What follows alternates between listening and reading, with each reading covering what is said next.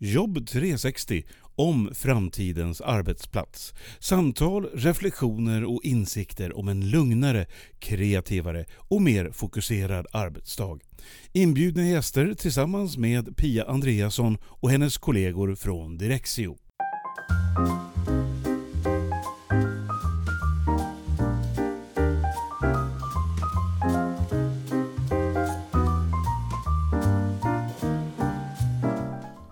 Nu ska jag inte iväg för att träffa någon utan jag ska faktiskt sitta hemma. Det är ju sådana tider nu att man försöker undvika att träffa varandra på grund av coronaviruset. Jag spelar in det här den 22 mars och jag ska strax träffa via telefon min före detta kollega i Direxio, Åsa Dahlqvist. Och hon har faktiskt bett att få prata lite med mig om vad jag gör och sen också vad vad som händer nu i de här tiderna när människor börjar jobba mera hemma, vilka krav det ställer och hon vill också veta mina bästa tips när det gäller distansmöten. Så de tänkte jag också bjuda på. Men jag tycker förstås att det är jättekul att Åsa ville träffa mig och höra om de här sakerna så att eh, det ska bli jätteroligt att prata med henne om detta. Och snart ringer hon och då kan vi börja spela in det här samtalet. Tack för att du lyssnar på Jobb 360. Ja men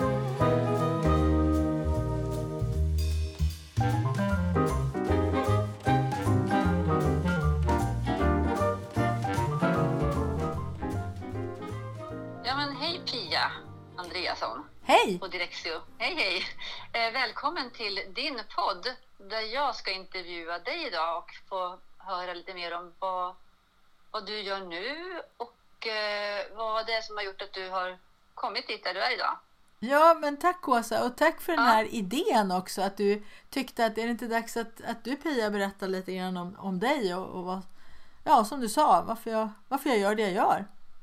Ja, det jag tycker kan vara som man kan börja med det är att fråga hur länge har du jobbat med de här frågorna? Alltså att jobba med nya arbetssätt. Ja, det är ju faktiskt, eh, i höst blir det nio år faktiskt. Nio år. Mm. Ja, det är fantastiskt. Om du skulle beskriva ditt företag, vad gör du egentligen? Nya arbetssätt, eh, vad, vad är det? Ja, jag hjälper människor att jobba mer medvetet och digitalt och det handlar mycket om att, att man får lära sig använda de digitala redskap man redan har och använder i vardagen fast på en mycket högre nivå. Och med målet då att hålla koll på allting som ska hända idag och som ska hända framöver och vad som har hänt bakåt i tiden också. Så att man på sikt då kan fundera på, lägger jag tiden på rätt saker? Och utvärdera det. För att det, det som jag möter hela tiden det är att människor springer och jobbar och jobbar och jobbar och jobbar och försöker komma ikapp. Eh, och det är någonting som är väldigt vanligt är att man försöker jobba undan en massa, massa små grejer först. Eh, så att man sen ska hinna ta itu med de här stora sakerna då som, som man tycker att det här måste jag liksom få tid med. Och så funderar man inte på om alla de här grejerna man jobbar undan först då om de verkligen behöver göras idag överhuvudtaget. Men man gör dem först för att de är, ser små och lätta ut och är enkla och så tänker man jag skickar undan dem först och så, så jobbar jag med det svåra sen. Med resultat att man kommer sällan fram till de där grejerna som man tänker sig att man ska jobba med. Man blir försenad med dem och känner att man inte riktigt får ihop det.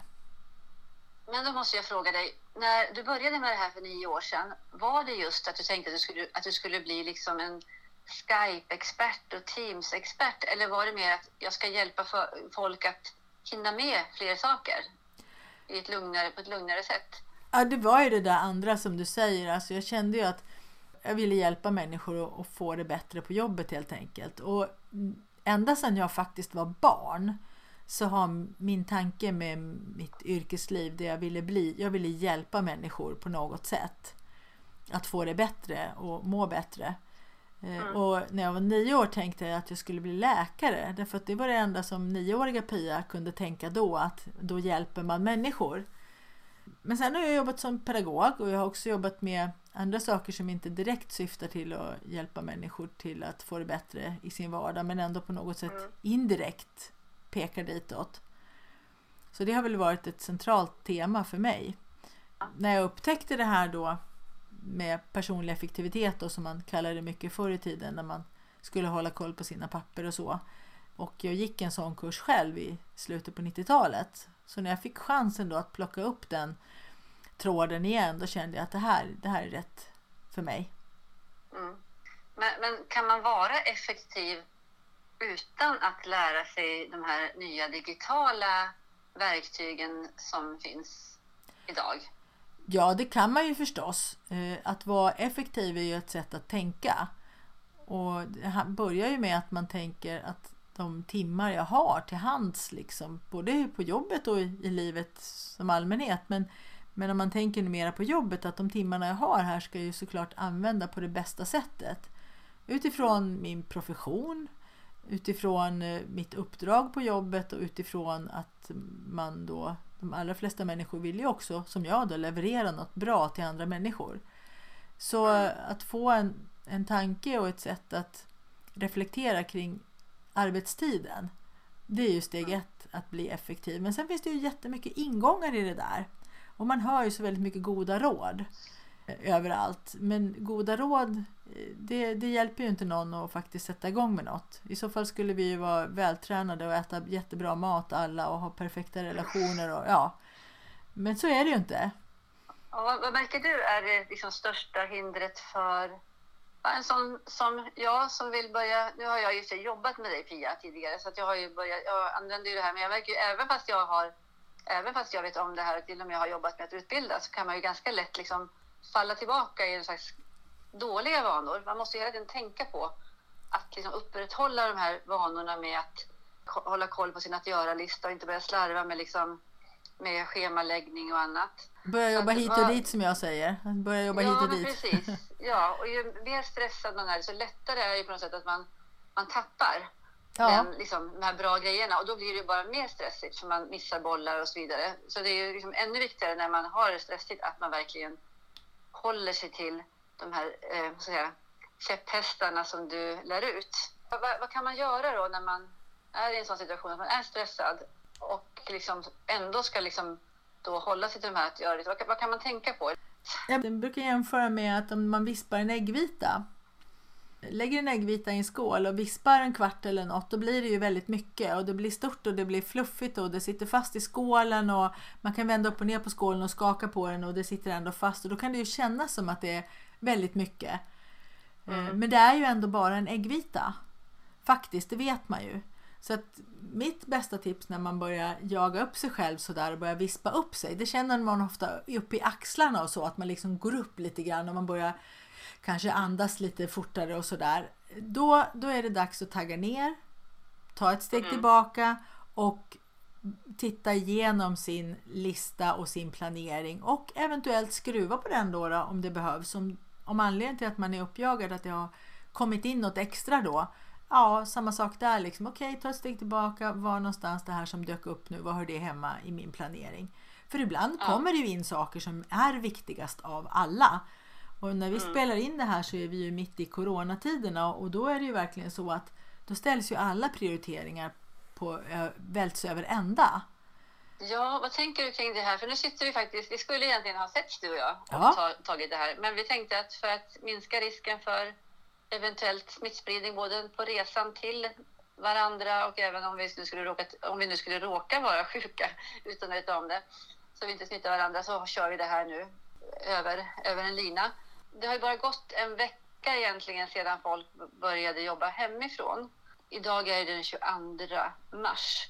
Eller har du funderingar kring den här veckan när så många har börjat jobba via Skype och börjat lära sig eller börjat använda mycket mer de här verktygen? Ja, jag hade faktiskt en kommentar från en kursdeltagare, för jag har ju haft nu i veckan som har gått så har, fick vi ju snabbt ställa om. Jag skulle ha haft kurs ute på, eh, hos Kammarkollegiet men vi Eh, ställde om och jag höll alla de kursgrupperna, sex stycken, via Skype istället.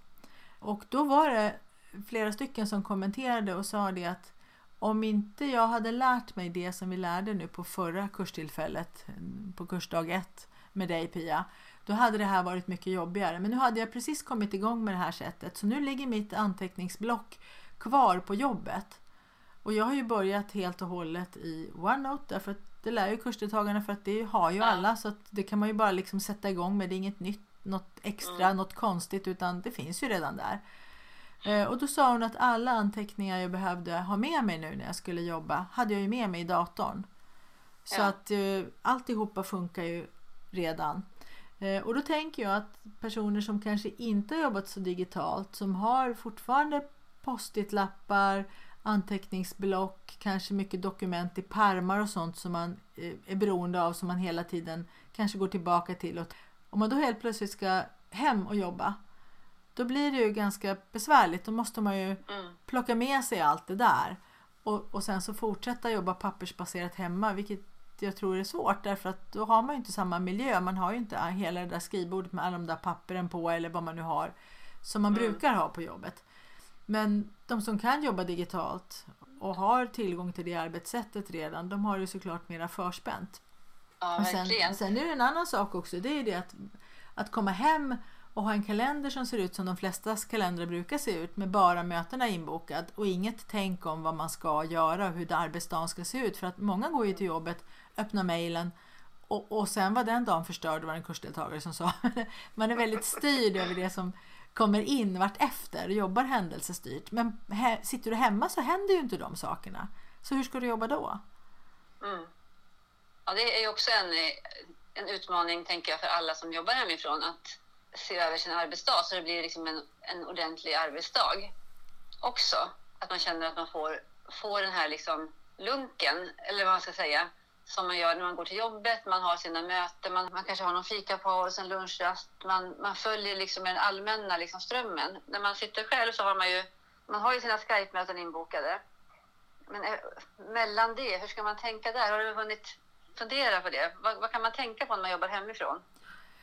Ja, som sagt, har man, har man haft innan en plan för dagen och som jag lär ut och som du också lärde ut när du jobbar med mig Mm. Åsa, att man har faktiskt ett tänk timme för timme i stort sett för hur ska min Mm. arbetsvecka se ut? Och ändå har man ju då, som, som vi lär ut, och skapat en beredskap för att det kan ju hända grejer som gör att du måste möblera om lite Mm. i din planering där eller kanske en hel del ibland som en kursdeltagare sa att, eh, att man får lägga om pusslet.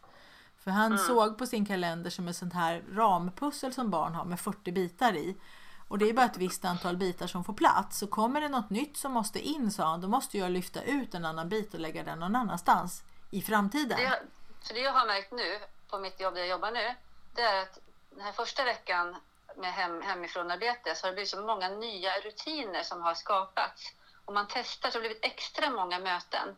Både för att det har blivit möten, både de här vanliga mötena som man ändå skulle ha haft och som man brukar ha. Men sen också har det blivit lite extra möten för att det har varit något, som har handlat om corona eller någonting, man vill göra någonting nytt. Och sen också ganska många avstä extra avstämningsmöten för att liksom man inte, eftersom man inte ses på riktigt. Så att man får liksom det här att avdelningen kanske ses någon kvart varje morgon via Skype för att snacka. Så det har blivit väldigt så intensivt. Jag vet många mer som sagt att det har blivit otroligt liksom, in, Skype-intensivt. Jag har suttit i Skype-möten nästan från åtta på morgonen till fem på kvällen utan paus nästan. Oj! Eh, och det känner jag ju inte är så bra för min, eh, för min nacke eller för min röst eller överhuvudtaget. Jag känner att jag spänner mig ganska mycket när jag sitter och har Skype-möten. Ja. Det här är någonting som ni har pratat med. Pratat om. Man sitter, sitter och spänner sig, man pratar kanske lite högre än vad man ja, just det. borde göra. Man så ropar in i, i datorn. Ja, vi är ju vi är lite ovana och jag kan tänka mig att efter den här, de här veckorna då, vi får väl ändå hoppas att det landar någonstans i en vanlig vardag igen. Men det kommer inte bli en vanlig vardag för att det är så många människor nu som kommer ha jobbat på ett annat sätt. Och man får reflektera över vad som händer på en dag. Och det här, du berättade att hos er så har ni träffats jättemycket mer via Skype och det kan ju också vara en, en reaktion på att på jobbet så har ni varandra där liksom på plats allihopa hela tiden. Man är van liksom att Kalle, Pelle och Nisse och Stina och eh, Ce- Cecilia finns där runt omkring en. Men sen när man sitter ensam så har man inte de där människorna runt omkring sig. Och då finns ju nu möjligheten att träffas via Skype eller Teams om man använder det. Och då kanske man överanvänder det då. då. Och samma sak Ja. där, att det handlar om att reflektera över vad innehåller min arbetsdag? Och ett råd som vi brukar ge då det är ju att fundera på hur mycket behöver man jobba enskilt och fokuserat på en dag? Mm. Vad är det för för behov man verkligen har utifrån sina arbetsuppgifter att jobba på det sättet. Och sen försöka skapa de timmarna som verkligen behövs. Och ibland så behöver man kanske fyra timmar men man kan bara få tre. Därför att det är möten och det är annat. Ja men okej, de tre timmarna då som du ändå kan få, vad är viktigast att göra på dem? Ja, så det, ditt budskap är egentligen att efter de här första veckorna av lite trial and error och det kanske blir lite rörigare än vanligt, att man inte fortsätter i den här röran utan man försöker tänka igenom vad är det jag måste hinna med på en dag och också säga nej till vissa saker som man inte hinner. Precis. Alltså så man inte bara är med i en massa olika projekt som man aldrig hinner riktigt bli klar med för man sitter i möten hela dagarna. Mm. Du frågade ju förut vad, varför vi jobbar så här rörigt, varför det är Mm. svårt. För du har ju lärt dig det här och ändå nu när du är på en annan arbetsplats så blir det så att du Mm. upptäcker att när du blir mer stressad så blir det lättare att du jobbar på det här röriga sättet och försöker ta Mm. sakerna på volley liksom och putta iväg dem hit och dit och, och så. Och anledningen till det brukar jag berätta för mina kursdeltagare att det är ju för att du har en helt vanlig hjärna Åsa. Den är precis som hjärnor brukar vara. Gud vad skönt Ja, eller hur? Tack. Det är jätteskönt. Och, och det är ju så att när hjärnan blir stressad då tappar man ju lite utav pannlobernas kapacitet att faktiskt tänka och planera och styra upp saker och ting. Mm. Och ju, ju mer sån kapacitet man tappar desto mer utrymme får ju då den här stressade känslan. Så det är därför det är så Ja. viktigt att förlita sig till alla vi som då inte är i någon typ av katastrofsituation och akutläge. Det är ju många som är där nu men är man Mm. inte det så får man ju ta sitt ansvar och använda den här kapaciteten som man ändå har i pannloberna. Att tänka efter, att styra upp, att se till att man jobbar med det viktigaste först. Och också att man Mm. funderar på det här som jag ska göra nu. Vad är det värt i tid? Så att man inte sitter tre timmar med någonting som man kunde ha gjort på en timme. Och sen i ett nästa steg så får du bara två timmar till någonting som hade behövt fyra timmar. Men Pia, nu är det ju coronatider och vi kommer att, alla kommer liksom mer eller mindre tvingas att jobba väldigt mycket mer digitalt.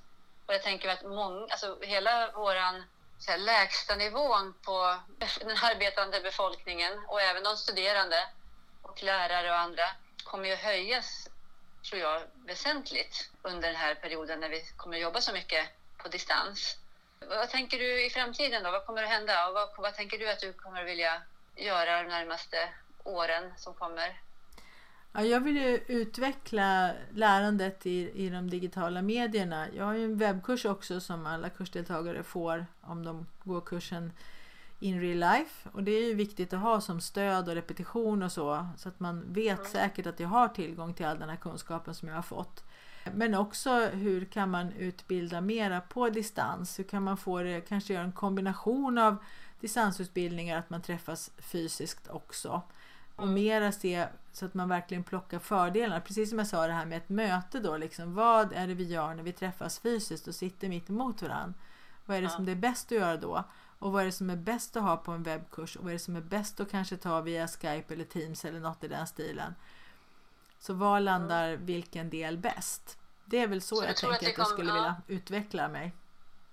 Och du tror du att vi kommer att jobba mera digitalt sen även när vi går tillbaka till vårt normala liv som vi förhoppningsvis Ja, kommer det att är jag göra? helt säker på. Jag har redan hört människor som har sagt så här att alltså det här med att ha möten via Skype, det var ju helt fantastiskt. Jag kommer att ha alla mina möten via Skype i fortsättningen. För alla var ju på. Ingen kan ju sitta och fippla med något annat när man har ett Skype-möte. Då måste man ju vara med. Och då frågar man ju, du Rickard, vad säger du om det här? Cecilia, vad har du för tankar? Och alla är liksom på tå. Det vart ju ett helt annan attention och liksom uppmärksamhet i mötet när man hade via Skype. Så det kommer jag att fortsätta med. Det, det tyckte jag var en lustig insikt. Det hörde jag bara här i torsdags.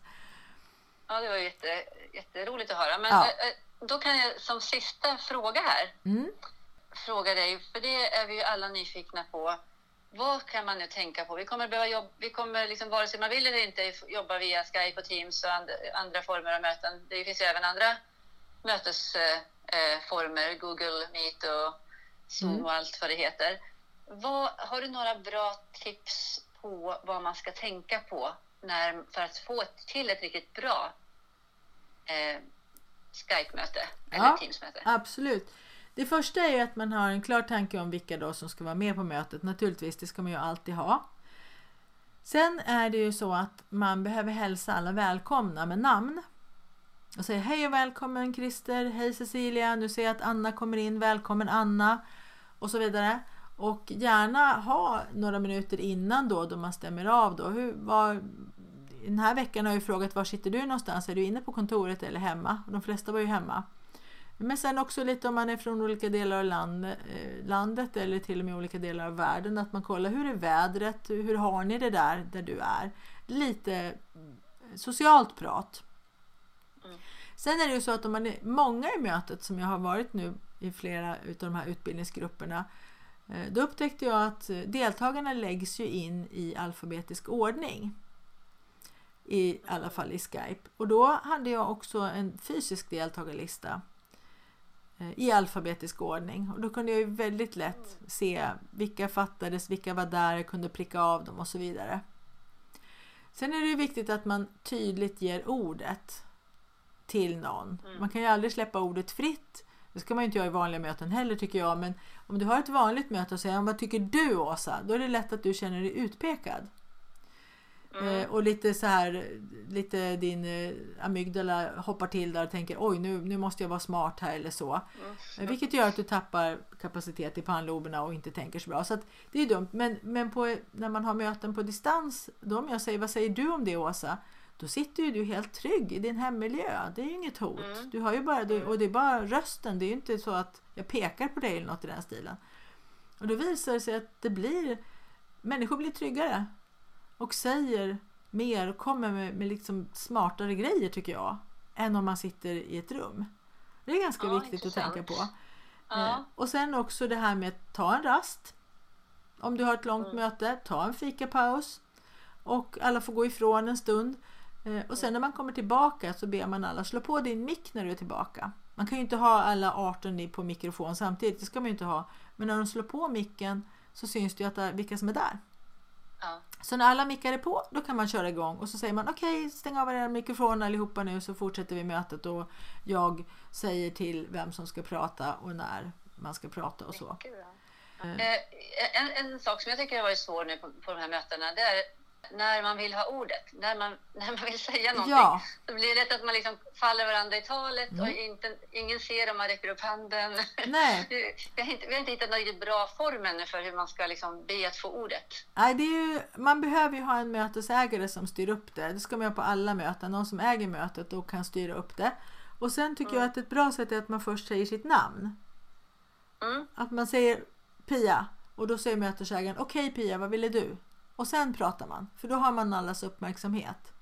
Just det, så man pratar inte förrän mötesägaren säger. Ja, och Pia, vad peka ville du? lite. Det Mm. tycker jag är en bra idé. Mm. För att annars blir det att man pratar i munnen på varandra. Och är man då fler än två, som du och jag är, det händer ju även här, så då, då behövs det att man styr upp det lite noggrannare. Eh, Och sen Mm. också det här med att dela dokument, dela skärm, att man kan visa varandra saker.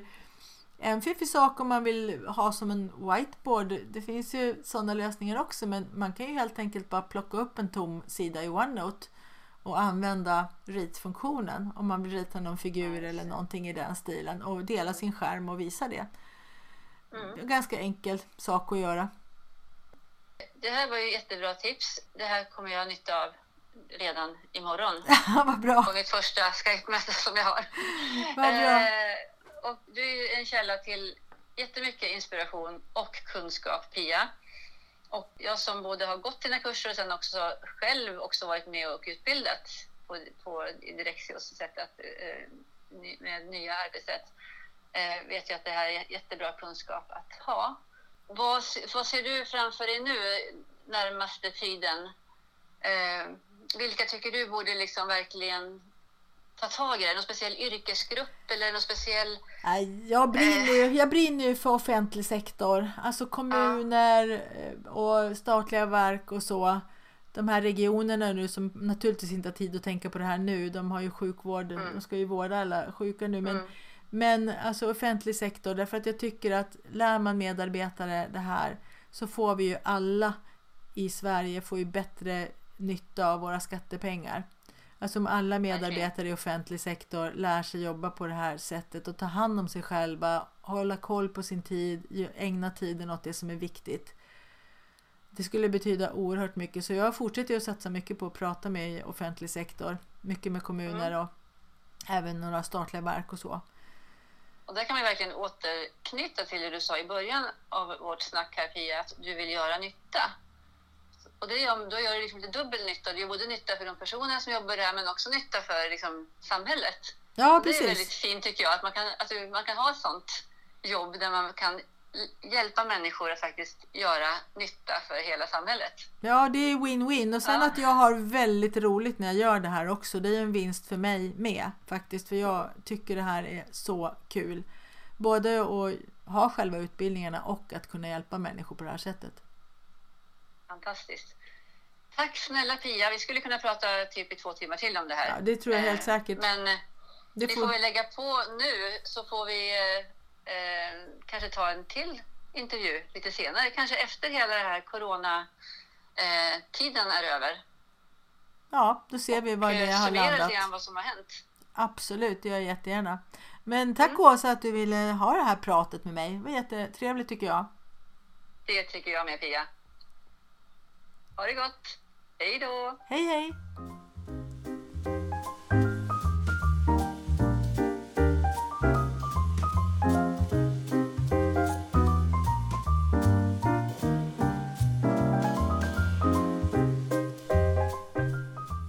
Ja, jag vill ju förstås säga tack till Åsa att hon ville prata med mig om de här sakerna. Och jag tycker också det är väldigt roligt att jag får dela med mig av mina bästa tips. Och som du kanske förstår så är det ju mera i det här än vad jag bara hinner berätta på en podd. Så att om du blir mer intresserad och vill veta mer om vad jag kan hjälpa till med på kanske just ditt företag eller din organisation så får du jättegärna kontakta mig. Eh, jag finns på pia.andreasson.direxio.se förstås om du vill mejla och då stavar jag mitt efternamn med ett S. Men du kan ju också titta in på hemsidan direxio.se. Där finns ju också min adress. Och du kan också helt enkelt skriva till info.direxio.se. Sen får du jättegärna leta reda på mig på LinkedIn också och eh, kontakta mig där och connecta så blir vi vänner där och så kan du följa mig på det viset och en fördel då är att du får ju veta precis när nästa poddavsnitt kommer. Tack för att du lyssnar på Jobb 360.